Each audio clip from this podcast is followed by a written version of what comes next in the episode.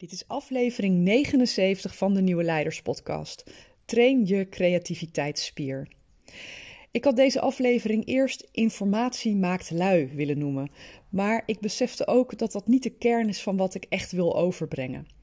En laat ik beginnen met creativiteit als term, dat dat een beetje een imago heeft van uh, artistieke activiteiten, maar ook misschien wel van knutselen of doe het zelf.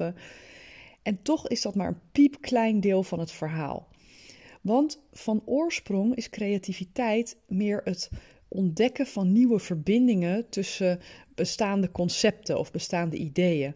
Het is dé manier waarop we nieuwe dingen ontwikkelen, waarop we problemen oplossen, waarop we innoveren. En een belangrijke drijver daarvoor is een soort hongerige nieuwsgierigheid. Maar door het gemak waarmee we tegenwoordig aan informatie kunnen komen, veranderen we langzaam maar zeker in luie informatieconsumenten. We leven in een met kennis doordrenkte samenleving die ervoor zorgt dat we steeds minder onze aangeboren nieuwsgierigheid en verbeeldingskracht gebruiken. En zoals dat gaat, een spier die je niet regelmatig actief gebruikt, die verslapt onherroepelijk. In deze aflevering ga ik het met je hebben over een mindset shift van informatieconsument naar producent en hoe je die creativiteitsspier kunt ontwikkelen op een manier die bij jou past.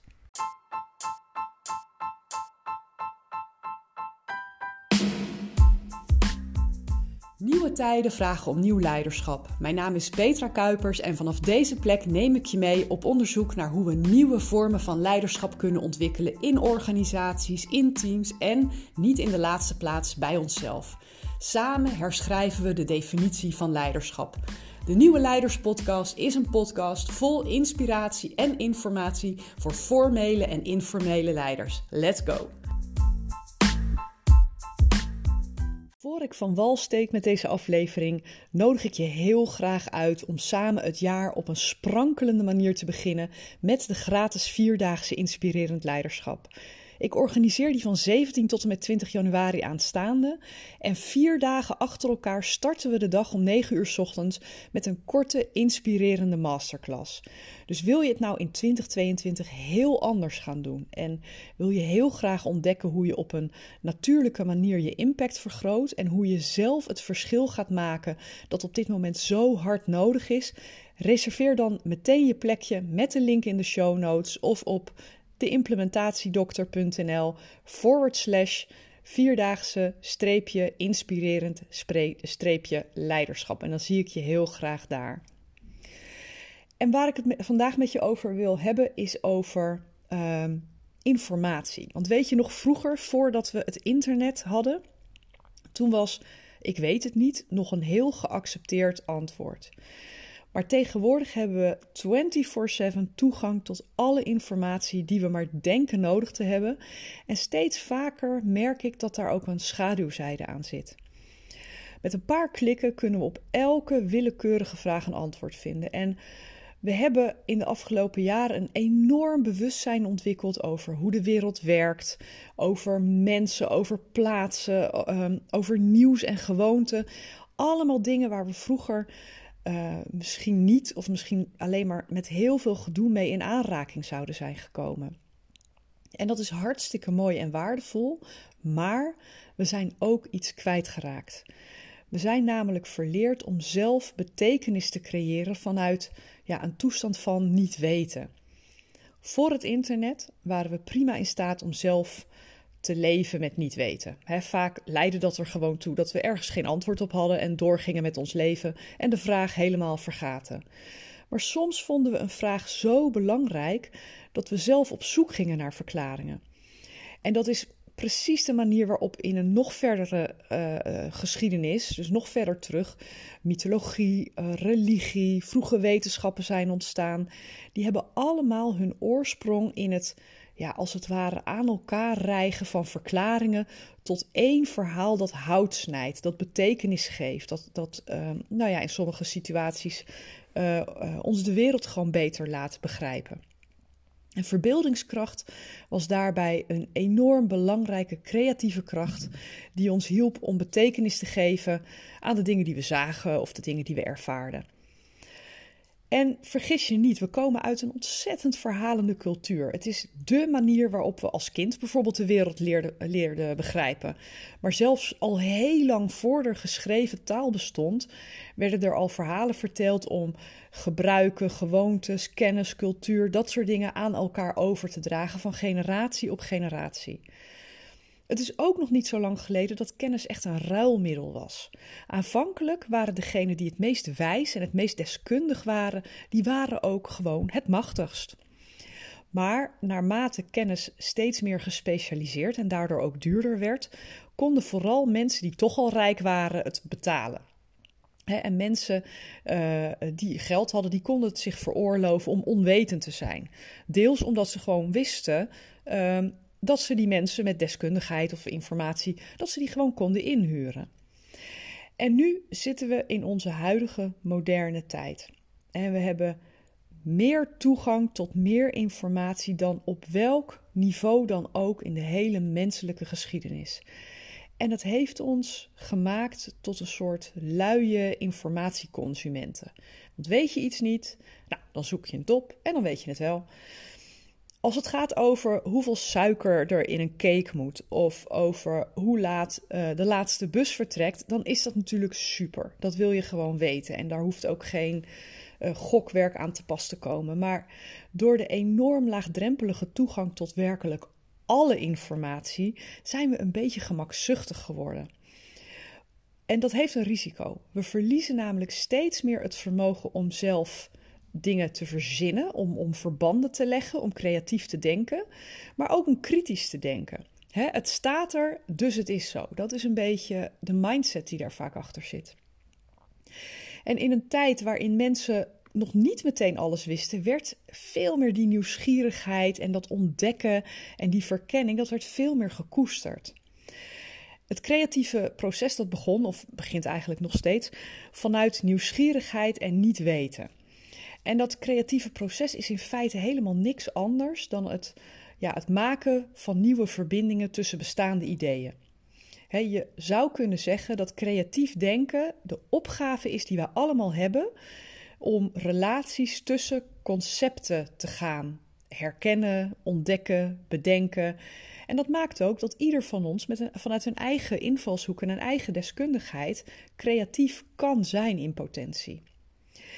En op dezelfde manier dat een gebrek aan kennis vroeger creativiteit kon aanwakkeren door een soort hongerige nieuwsgierigheid aan te zetten, kan in principe een overvloed aan kennis dat ook. Alleen moet het wel vanuit de juiste mindset gebeuren en die zijn we een beetje kwijt aan het raken. Want wat je nu ziet gebeuren is het omgekeerde. We leven in een met kennis doordrenkte samenleving en die zorgt ervoor dat we steeds minder onze aangeboren nieuwsgierigheid en verbeeldingskracht gebruiken. Als er maar een sprankje van die honger ontstaat, dan googelen we ons een weg daaruit en dan is die honger weer gestild. En een spier die je niet regelmatig gebruikt, ja, die verslapt gewoon. Dat is onontkoombaar. Nog niet zo lang geleden hadden we creativiteit nodig om te overleven. Vooral toen we nog in een agrarische samenleving leefden. Hè, dan had je het weer, je had plagen, maar ook gewoon pure pech. Die ervoor zorgden dat we met creatieve oplossingen moesten komen om überhaupt te overleven. Innovatie en het creëren van iets beters voor jezelf voor je gezin, voor je omgeving, dat werd, of dat was in die tijd bijna een universele roeping van ieder mens. En sinds de industriële revolutie kwam daar verandering in. Uh, want de fabriek en niet langer de boerderij werd het primaire bedrijfsmodel.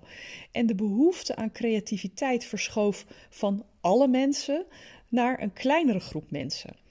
En uitvinders, wetenschappers en allerlei andere creatieve, uh, creatieve denkers zoals kunstenaars, die werden nog steeds wel gewaardeerd, maar ze werden meer de uitzondering, daar waar voorheen iedereen continu creatieve oplossingen moest verzinnen op de problemen waarmee ze geconfronteerd worden. Sterker nog, sinds de industriële revolutie belemmerde creativiteit in zekere zin het lopende bandmodel. het stond efficiëntie en schaalbaarheid in de weg. Dus daarmee werd het beoefenen van creativiteit meer en meer beschouwd als een soort hobby of een tijdsbesteding aan, uh, aan wat ja, exoten, om het maar zo te noemen. Nou, in de afgelopen pak een beet 50 jaar is creativiteit wel weer een beetje teruggekomen, maar dat is vooral het domein geworden van start-ups, van techbedrijven. Maar bijvoorbeeld ook sociale media, die continu om creatieve bijdrage vraagt. Maar ondanks dat de vraag is toegenomen, is er nog altijd bij de meeste mensen een tekort aan creatief denken. En ja, we zijn een tamelijk schoolsdenkende, met informatie verzamelde, uh, verzadigde samenleving geworden. We worden niet meer zo uitgenodigd om te denken. We worden bijvoorbeeld op school beloond voor het geven van de goede antwoorden, niet, van, niet voor het, het stellen van eigenwijze vragen waar creativiteit uit voortkomt. En die vonk van nieuwsgierigheid, van het vertellen van, van creatieve verhalen, het, het laten ontstaan van nieuwe mythologieën, die, die betekenis geven ook hè, aan wie wij nu zijn in deze veranderlijke wereld, dat, dat kom je bijna niet meer tegen. En dat terwijl we het zo ontzettend hard nodig hebben met ja, de problemen uh, die we, waar we mee geconfronteerd worden, maar ook met wat ons bindt, wat wat betekenis geeft. Creativiteit is een van de belangrijkste ingrediënten van wat ons mensen maakt, wat ons menselijk maakt. En dat beperkt zich zeker niet tot het artistieke. Het gaat ook over problemen oplossen, over verbanden leggen, over vernieuwen, innoveren. Creatief zijn, hè, creativiteit, het is niet iets wat we niet kunnen zijn. Het is iets, niet iets wat we niet kunnen hebben. Maar wat wel kan, is dat het begraven wordt onder allerlei afleiding. Onder allerlei uh, activiteiten die continu om onze aandacht vragen, zoals continu maar door je, je timeline scrollen, um, um, uh, series bingen en dat soort dingen.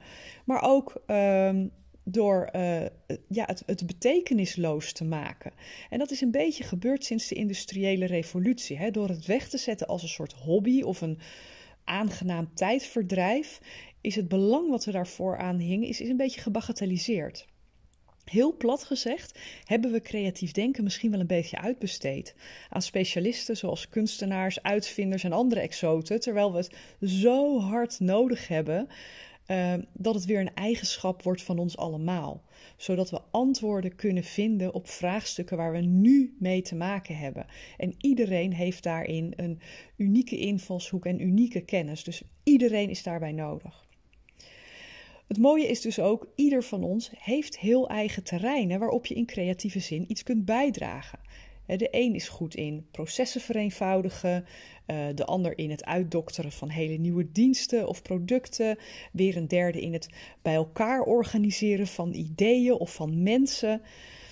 En dat begint, dat, dat, dat ontwikkelen van die creatiespier, dat begint wat mij betreft bij uh, de discipline om minder hapklare informatie te verteren en vooral jezelf te prikkelen om zelf te blijven nadenken.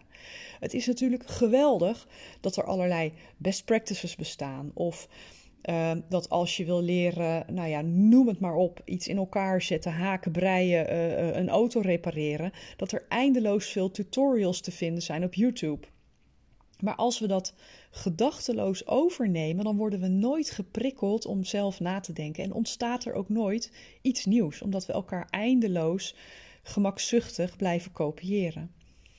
En wat mij altijd heel erg helpt, is vragen stellen. en dan kun je denken aan vragen: hoe kunnen we het nog beter doen? Of hoe kunnen we het nog mooier maken? Wat is een heel nieuwe manier die ook kan werken? Of wat is een, een werkwijze uit een heel andere branche of sector die we hier zouden kunnen toepassen? Ehm, als ik terug zou gaan naar de tekentafel en we zouden helemaal opnieuw beginnen, hoe zou ik het dan doen? Maar ook uh, wat, wat voor mij als een hele goede uh, ja, heel goed aanknopingspunt is, waar erger ik me aan? Want ergernis of boosheid, dat is vaak een teken dat, je, dat er ook een drang zit om iets anders te gaan maken. Uh, welke stap of welk kenmerk zou ik meteen elimineren als ik dat kon? Het zijn allemaal manieren om zelf weer die creatieve denkspier spier, stukje bij beetje ja, tot leven te wekken. En sinds ik me daarvan bewust ben, streef ik ernaar om zoveel mogelijk te switchen van consument naar producent tussen aanhalingstekens. Ik probeer niet te veel te verdwalen in allerlei nieuwsbronnen die er aanwezig zijn rondom de vraag die ik, uh, die ik heb. Of uh, uh, nou ja, mijn tijd te veel te verlummelen op, op, op timelines en dat soort dingen. Maar ik probeer mezelf actief te trainen om nieuwe verbanden te leggen, betekenis te geven, metaforen te bedenken, patronen te ontdekken. En daarbij helpt het om uh, met andere mensen in gesprek te gaan. Vooral ook met mensen die een hele andere tak van sport uh, beoefenen. Of die heel anders denken over bepaalde dingen. Zodat je daarin ook een beetje uitgedaagd wordt. Maar het helpt me ook om, uh, om boeken te lezen.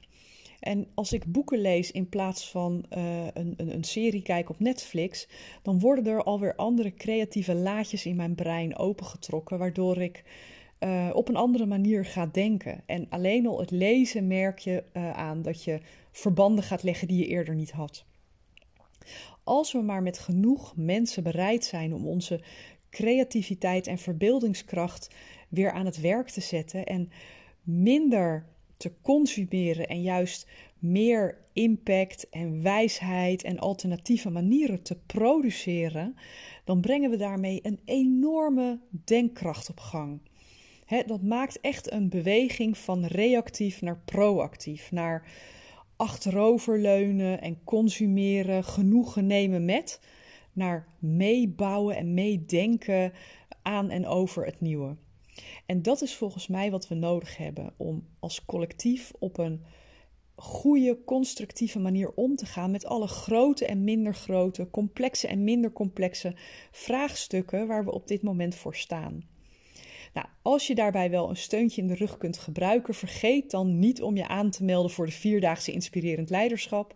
We beginnen volgende week maandag 17 januari en stap voor stap neem ik je elke ochtend mee in een klein uurtje in hoe je zelf je positieve impact en je invloed en je leiderschap verder kunt vergroten. Heel praktisch, heel laagdrempelig en je kunt het meteen in de praktijk gaan brengen.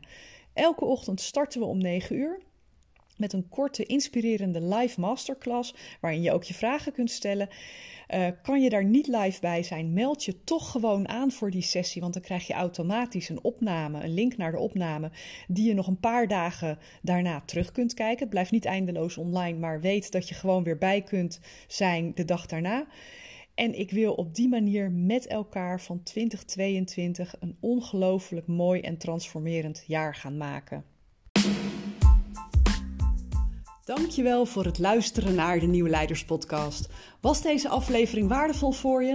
Door hem te delen of een recensie achter te laten help je nog veel meer mensen om de Nieuwe Leiders Podcast te vinden. En vergeet niet de podcast te volgen zodat je niets meer mist. Ik tref je graag bij de volgende aflevering.